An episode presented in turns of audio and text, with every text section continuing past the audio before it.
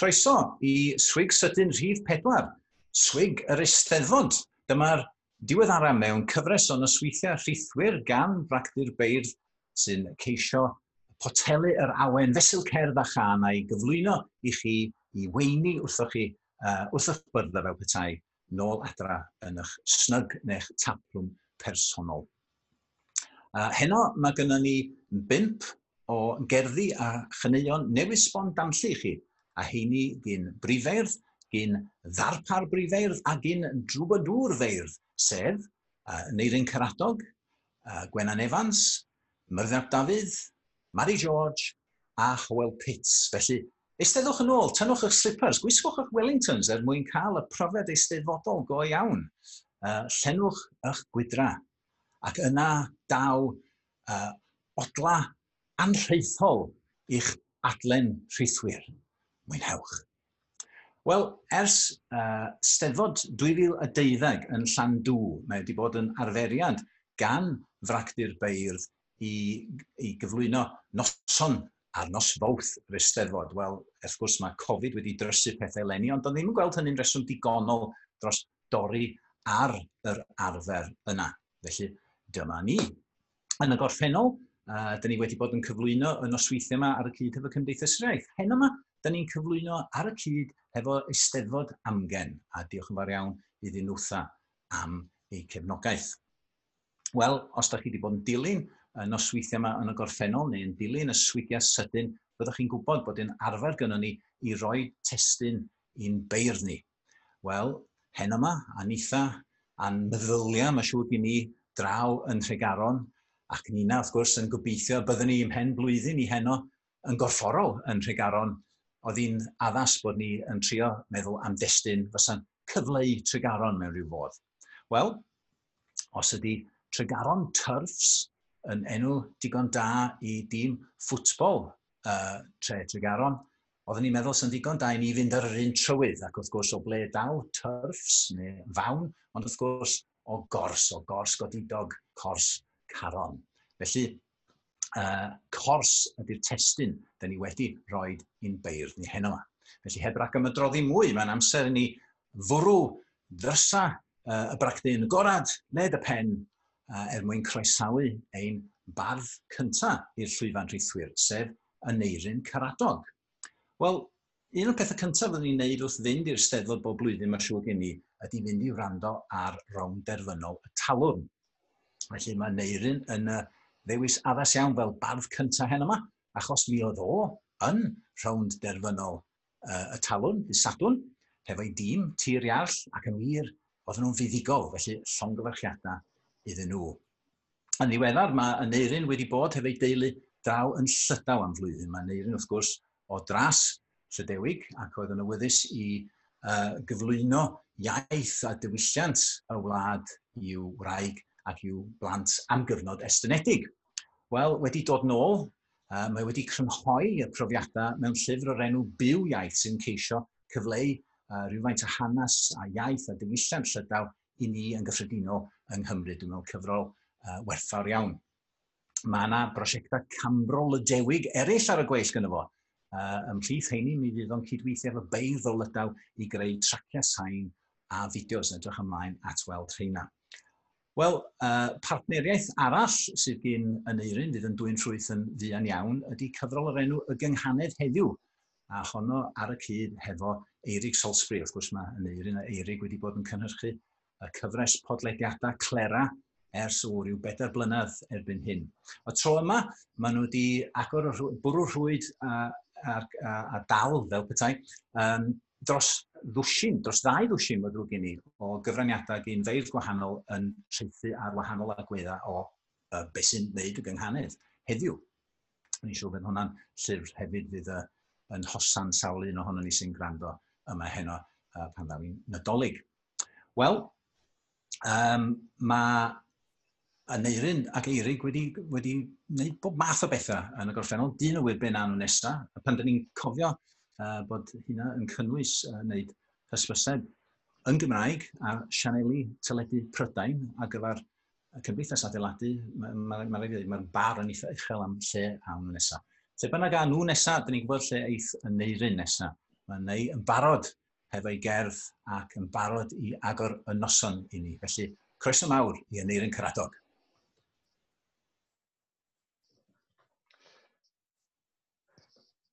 Drain the swamp! Drain the swamp! Trympgri stompus. Un gri iach. Pob gair a'i wis, dair i holl greaduried y cacs yn ei llacs a'i llaid. Rhof i hilgi ryfelgan, sychwn gorstyr a gwir gan un hoes wen, amen i mi, eich dawnus, Trumpwych doni. Oedd y traw bregethodd Trump a weldrwr efengyldrwm. Caiff y swamp life, esiamplodd, ei roi'n y gell yn rhodd, Hillary fel cholera, pyla hi fel pob un pla. Yma nes, mae yna eisiau rhyw drympio i buro'r bai. Y gors hon, llwgwr senedd a'i sŵn, fe'i bwriwn i'r bedd.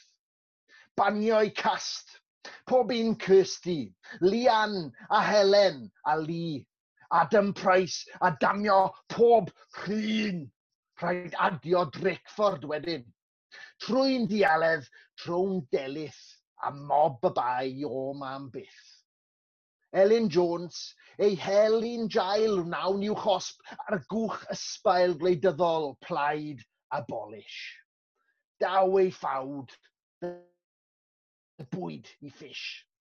Dyna'n bwled yn abolish. Hamrwn yn amrwd heb farnish. O raid pal, cymryd y pish na'r yw cipwyr o'i copish. Trwy'r llacs, rhyw hacs yw plaid Brexit. Esgus bod yn ffasgwyr, it O hil y jawl, rin ni'n legit. O'n golygon, go'n, legit. Disassemblwn d'assembly, yn adown ar dy ôl di. Diolch yn fawr yn neud yn amroed cochwyn mor egniol i noson ni. Mae'n bardd nesaf ni, Gwenan Evans, yn hannu o ardal Farmers yn Nyffryn Cothi, ond mae'n byw bellach yng Nghaerdydd, lle mae'n gweithio fel cynhyrchydd trails i Radio Cymru. Wel, di ddim yn gweithio fel uh, cynhyrchu trails ar hyn o bryd, achos byddi ar gyfnod mamolaeth, felly gawn ni achub ar y cyfle yma i estyn uh, llongyfrichiadau hwyr uh, iddi hi a Griff y gŵr ar y dyfodiad uh, yr aelod diweddara i'r teulu, sef Emlyn. Mae yn eirin, wrth gwrs, wedi profi llwyddiant yn rownd derfynol y talwrn eleni, llynydd tîm Gwenan, y ffoaduriaid, oedd wedi curo y tir iall yn y rownd derfynol. Ac yn wir, uh, tair blynedd cyn hynny, nid yn unig oedd y ffoaduriaid yn fuddigol eto yn halwrn y beirdd, ond nath uh, Gwenan gipio trws cledlyn, cledwyn mae'n ddrwg gen i, uh, am y dyluneg orau drwy'r gyfres i gyd sy'n eitha camp. Mae uh, Gwenan wedi cyhoeddi nofel o'r enw uh, Bore Da sy'n tynnu ar ei chemdir hi yn ymwyd radio. Uh, Mae'n gweithio ar hyn o bryd ar a'r gyfrol arall sydd mewn ffordd yn tynnu ffrafod hi fel mam. Uh, Fferm Cwm Cawdel, llun uh, stori a llun i'r darllenwyr iau. A uh, cyn y cyfnod clo, oedd Gwenan wedi cochwyn uh, neu gwaith fel stand-up oedd hi wedi wneud ambell i gig mewn uh, lle hynod, fenyw hynod o'r enw bloc. Uh, be di bloc ydy cyn floc toileta yn Parc Victoria yng Nghaerdydd sydd bellach yn gaffi. Wel, uh, nid stand-up sydd gen i ar yn cyfer ni hen yma, ond can, felly croeso i'r llwyfan rhithwyr Gwenan Evans. Wel, yn ôl beth fi'n ddeall, mae'r cyfnod diweddar yma wedi bod yn amser cynhyrchiol a chreadigol i lawer, ond nid felly i fi a fy'n fam i ddau o blant bach.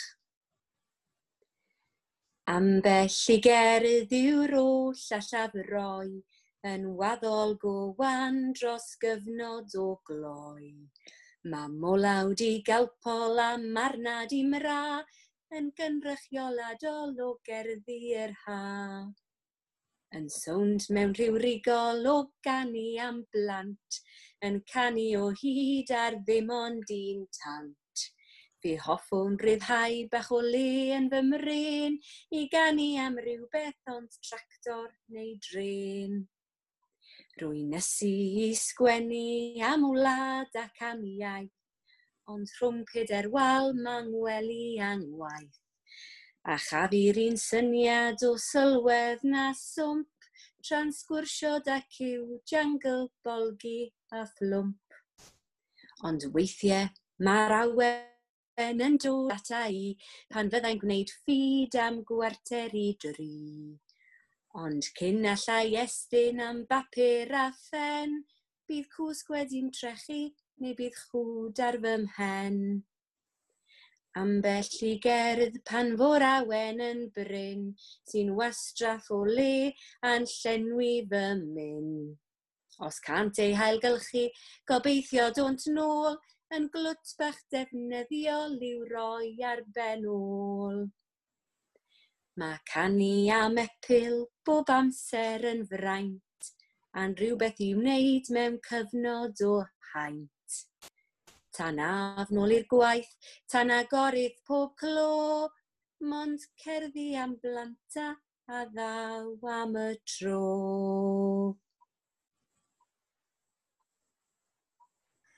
Hyfryd iawn, hyfryd iawn Gwenan, diolch yn fawr iawn. Wel, un o Lan Rwst ydy'n bardd nesaf ni, Myrddin Ap Dafydd, ond mae wedi ymgartrefu es peth amser wan yn llwyndyrus ar Benryn Llyn. Ers iddo sefydlu gwas Carreg Gwalch yn ôl yn 1980, uh, dyn ni wedi dod i feddwl am Myrddin fel un o uh, gymwynaswyr penna falle ein, ein diwylliant ni, a hynny mewn print, ond uh, mae'n mae Myrddin yn credu'n gry yn yr angen i gyflwyno llynyddiaeth i bobl trwy bob dill y modd. Ac yn wir, mae o'n awdur uh, nifer fawr o eiriau caneuon. Mae wedi sgwennu caneuon i artistiaid fel Plethu na Geraint Lyfgrin i enwi, enwi dau. Um, Myrddin oedd bardd plant cyntaf Cymru nôl yn y flwyddyn 2000. Ac yn wir pan nath o uh, goheiddi i gasgliad cyntaf o gerddi nôl yn 1991, Awen a Chasgen a Chan, nid yn unig nath, nath nhw ymddangos mewn print, ond hefyd ar gyset, cofiwch gyset, yeah. uh, er mwyn i bobl mwynhau uh, perfformiadau y barddu hun ar lafar a perfformiadau ar gan gan uh, nifer o artistiaid amrywiol.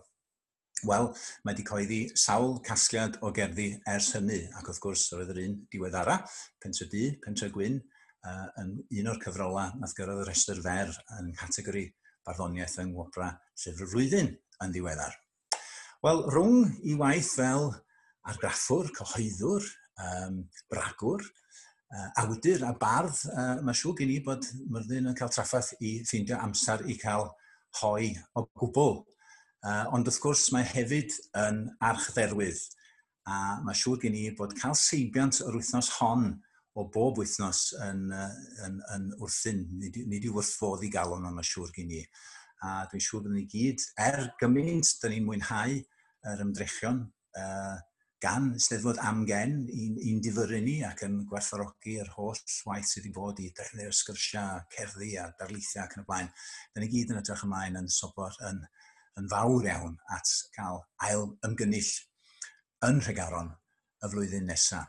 Felly, yn y cyfamsar, gael wadd uh, Myrynab Dafydd i esgyn i fain llog uh, bragdi'r beirdd, felly rowch lond croeso uh, lond bracdu o groeso, rhwng rowch lond bracdu o groeso i'n harchdderwydd ni, i'n harchragwr ni, Myrddin Dafydd. Wel, nid i gors caron, ond i un arall o gorsydd enw o Ceredigion res i. Llyffant cors fochno. Yn ei ffig i'n cofio yr hanes amdano, mae llyffant cors fochno yn un gafodd gam. Mi gafodd ei gardia o'i waith yn ein chwedla fel e-bost di eisia a ddympiwyd i spam. Ynghylwch ag Olwen roedd unwaith yn seren efo'r fwyalchen a'r eog ynghlwm. Daeth y fwyall ar wegil y crater bach eiddil, mor llwyr a chwymp densil o bobl y cwm. Anifail hynafol a chof aneuarol oedd y llyffant yng nghanol pylla a'r brwyn – ond i ddill o gyfru, o dydd ers i enni hyn wnaeth achosi bod clamp o droi trwy'n.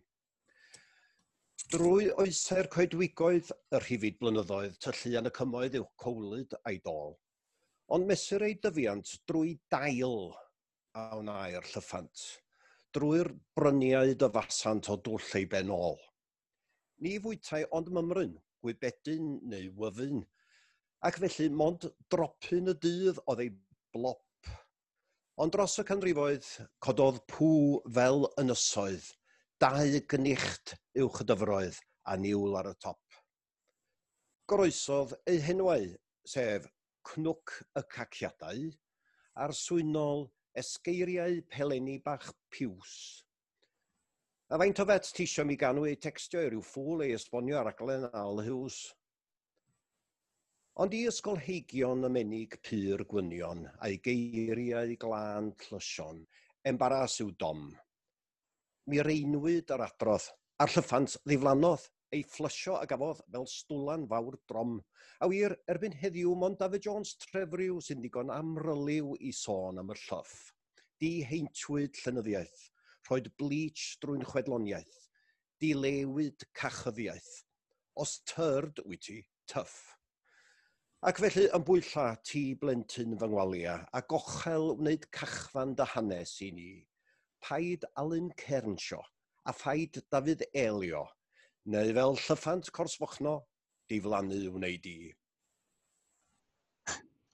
Diolch yn fawr iawn, Myrddin. Wel, oedd hi'n bardd cyntaf ni heno yma, Neirin Caradog, yn dod o Bont y Pryd. Dyn ni'n mynd nôl i Forganog rwan ar gyfer ein bardd nesaf ni, sef Mary George, eitha'n dod o Ben y Bont ar Ogwr. Wel, mae Mari wedi cyhoeddi un casgliad o'i cherddi hun, sef Y Nos yn dal yn fy ngwallt. Mae wedi cyhoeddi uh, llyfr i blant o'r enw Y Ferch Wyllt, a llyfr i ddysgwyr ar y cyd hefo uh, Rodri Owen a Lucy Owen a, o'r enw, enw eitha od os gael ei ddeud, Pas y Signydd Llwch, Darling, enw cofiadwy. Wel, yn fwy diweddar, mae wedi bod wrthi yn golygu cyfrol o gerddi yn seiliedig ar chwetla a straeon gwerin Cymru. E, Enw hwnnw ydy yr awen drwy'r storiau. Ac mae yna obaith am gasgliad newydd o waith Mari hi hun yn y flwyddyn newydd. Disgwyl mlaen, fel bydda Rodri Owen yn dweud, mae'n siŵr. Wel, mae'n rhan fwyaf o'n beirni heno yma. E, uh, naillai yn mynd i fod i uh, mynd i fod yn cymeriad rhan yn yr ymryson yn ystod yr wythnos hon, neu yn feir sydd wedi cymeriad rhan yn yr ymryson yn y gorffennol. A tydi Mari Hitha ddim yn eithred yn hynny o beth. Mae'n anodd credu bod hi wedi bod yn ymrysona hefo Morganwg ers uh, dros 20 mlynedd bellach. Ond eleni, fydd hi'n ymryson wahanol, fydd hi'n zoom ryson, a hynny'n rhoi bonus ychwanegol, meddwl Mari, oedd uh, yn ogystal â chymryd dran, fydd hi'n cael busnesan yn hau beirdd eraill Cymru wrth nhw gyflwyno i cerddi. Wel, dwi'n siŵr y bydd uh, cynulleidfa doeth y dethol bragdi'r beirdd yn canolbwyntio ar y gerdd sydd yn mynd i cael i gyflwyno rwan gen Mari yn hytrach na'r cemdir. Felly rowch groeso mawr i'r llwyfan rithwyr i Mari George. Beth sydd gen i yw cerdd am berson sydd wedi uh, bod trwy gyfnod anodd yn ei fywyd ac yn meddwl ei fod wedi dod drwyddi. Weithiau, daw wyneb yn wyneb a'i storm. Tyfodd yn greir ers y dyddiau hynny, camu'n dal dros lyptur ei ofnau. A dysgodd ei hun i weld dim ond y blodau, yr erwain a blodau'r brain, meillionen a helygen ac ysgawen, teg eirian brith y rhos a'r wenynen hynod dros, a chribell goch ac afal brau a llysiau'r llaeth. Camu'n dal a chwalu'r brwyn sy'n tyfu hyd ei drwyn.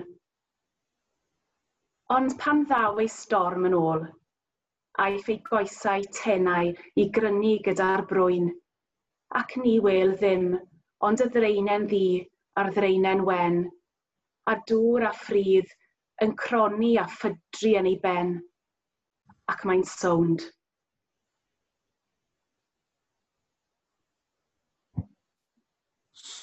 Diolch yn fawr iawn, Mari. Diolch yn fawr yn wir. Wel, ar gyfer yn heitam ola ni hen yma, da ni'n troi at y canwr a'r digrifwr Howell Pitts. Hefo'i frawd, Iwan a'i ddyweddi uh, Elin Griffith, mae Howell wedi bod yn cyflwyno cyfres o bodlediadau, o tan yn ddiweddar o leia o'r enw Podbeth uh, ac Odbeth. Uh, mae heini dal ar gael ar uh, SoundCloud os da chi eisiau uh, rannu'r peth o olwg uh, unigryw Hywel pits a'i gyfeillion uh, ar y byd o'n cwmpas ni. Ond wrth gwrs, mae siwr ni, mae Hywel yn fwy adnabyddus i ni fel canwr a gitarydd hefo Hi-Fi Clients. Wrth gwrs, yn ystod y cyfnod diweddar mae wedi bod yn anodd os nad yn amhosib i'r band uh, dod at ei gilydd, ond i fans y band, mae'n braf cyhoeddi y bydden nhw gobeithio yn mynd nôl mewn i studio i wneud uh, ei trydydd album hefo, hefo Russ Hayes yn uh, Orange, Orange Studios yn Henman Mawr, felly mae hwnna rhywbeth i edrych ymlaen ato. Ers yw saith mlynedd mae Howell hefyd wedi bod yn performio ar ben ei hun, yn cyflwyno uh, cyneuon sydd fel arfer yn, yn finiog o, o ddychanol. Ac wrth wneud hynny, mae wedi rhannu llwyfan hefo artistiaid mor amrywiol a Sorella a'r Welsh Whisperer, a mae'n eitha amrywiaeth yn fanna. Uh, mae wedi cael ffasiwn dderbyniad, mae rhai wedi awgrymu fod uh, Uh, mae Tim Minchin a Bill Bailey ydy atab Australia a Lloegr i Howell Pitt. Wel, trafodwch. Un o fendithion uh, y cyfnod clo yma ydy'r ffaith bod Howell wedi cael cyfle i sgwennu mwy o gyneuon newydd i iFi Clients a hefyd uh, i'w cyflwyno ar ben ei hun. Ac uh, un o heina sydd gynnon ni i gloi ein noson hen yma, tybad beth sydd gynno fo i ddeud ar y testyn cors. Rowch groeso mawr i Howell Pits. Uh, pan gysi i'r alwad gan uh, Rhys Iorweth yn, efo be oedd y testyn, uh, na fod yn holl onos, o'n i'n mynd siŵr be oedd cors. Um, Lle nes i googlo, googlo cors, ac uh, wrth gwrs mae'n cyfeithi bog. A digwydd bod, mae gynno fi gan am fog yn barod, uh, felly dwi'n ganu hwnna. Uh, dwi'n meddwl bod o'n bwysig uh, cyn i fi wneud, uh, i just i, just i wneud yn hollol glir, tydi'r tydi gan yma ddim yn adlywyrchu barn bragdyr beirdd, tydi o ddim yn adlywyrchu barn yr eisteddfod, uh, tydi o'n rili really adlywyrchu barn fi chwaith, ond uh, na ni, just, just Dwi'n eisiau trwbl. Dwi'n all dwi'n dweud. Um, Lleia can am fog.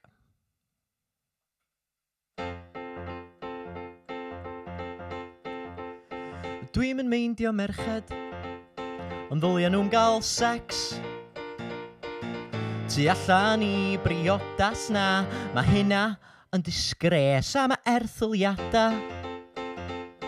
A maen nhw just yn wrong Dim ots sut sefyllfa erchill nath y ferch yn feichiog Tydi bywyd y fam ddim hanner mor bwysig ar embrio yn ei chroth Tori, tori ydw i Dwi'n met fo Farage ar DUP ac mae fy ngwedd a fy agwedd yn odidog. dog Arwr, arwr ydw i. I'r werin bobl just fel chi A fe nhw i. Di Jacob Rees-Mogg Jacob Rees-Mogg. O dwi'n mynd gont A dwi'n mynd deud bod fi'n mynd licio pobol ge Ond ddylsa nhw'n cael prodi na bod mor hapus a'i cyfoedion stret A da chi'n cofio Hitler? Wel, dwi'n meddwl bo'r boi jyst i gael ei gamddall. Roedd Adolf yn areithiwr o fri hefo lyflu o fwstash. Ella bod angen concentration camps i gadw'r wlad ma'n saff. A'r wlad ma ydi Prydain, Tori, Tori ydw i. Mae Katie Hopkins yn caru fi ac fel fy nhad o'i dad, dwi'n gyfoglyd o gyfoethog. Arwr, arwr ydw i. I'r werin bobl just fel chi A fenw i. Di Jacob Rees-Mogg A Jacob Rees-Mogg. Mae'r dystiolaeth yn anblaen i'r bobl ddoeth. Y tywydd sydd ar fai am Covid ac ma Newid hinsawdd yn gelwydd noeth. Es i i Eton a hyd ychen Ond dal dwi'n abod hywerin datws. Ma nhw eisiau rhywiaeth a hiliaeth a sovereignty a Weatherspoons Dwi'n gwybod be mae'r plebs ma isio. Ond yn caru Brydain Mae'r Welsh Nashies yn eifi'n grac. Dwi'n caru Charles a'r Queen a phawb in between Dwi'n caru Brexit a'r Union Jack A dwi'n mynd licio ISIS Ond, maen nhw'n ffyddlon i'r un diw Yr un Abrahamaidd wrth gwrs ac yn cytuno fo fi ar ambell i beth fel y liberals a chydraddoldeb rhyw. Dwi'n tybio sa'n yn gallu bod yn ffrindiau petai croen nhw'n wahanol liw specifically Gwyn. All lives matter, Tory, Tory ydw i. Anghofiwch drywerin, leave means leave. Dwi'n aelod o'r elitia, dwi'n ardderchog arwr, arwr ydw i I'r werin shitheads just fel chi A fenw i, di Jacob Rees-Mogg A dwi isio bod yn brif wenidog yr UK Brif seren, wet streams, Alan Cairns. Mae Iesu'n wych heblaw am y shit na am garwch cymdogion. Arwr, arwr ydw i Dwi'n rhoi dy ffyn yn fundamentalista Ffyn yn fundamentalista Fun and fundamentalist, a mentalist, a mentalist, a mentalist, a mentalist, a mentalist, a mentalist, a mentalist.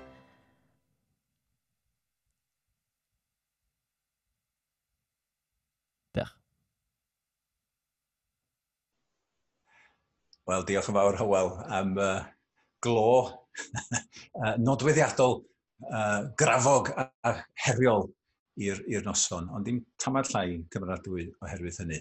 Mae mond yn aros i fi rwan i ddiolch i'n, in beirdd ni gyd hen yma.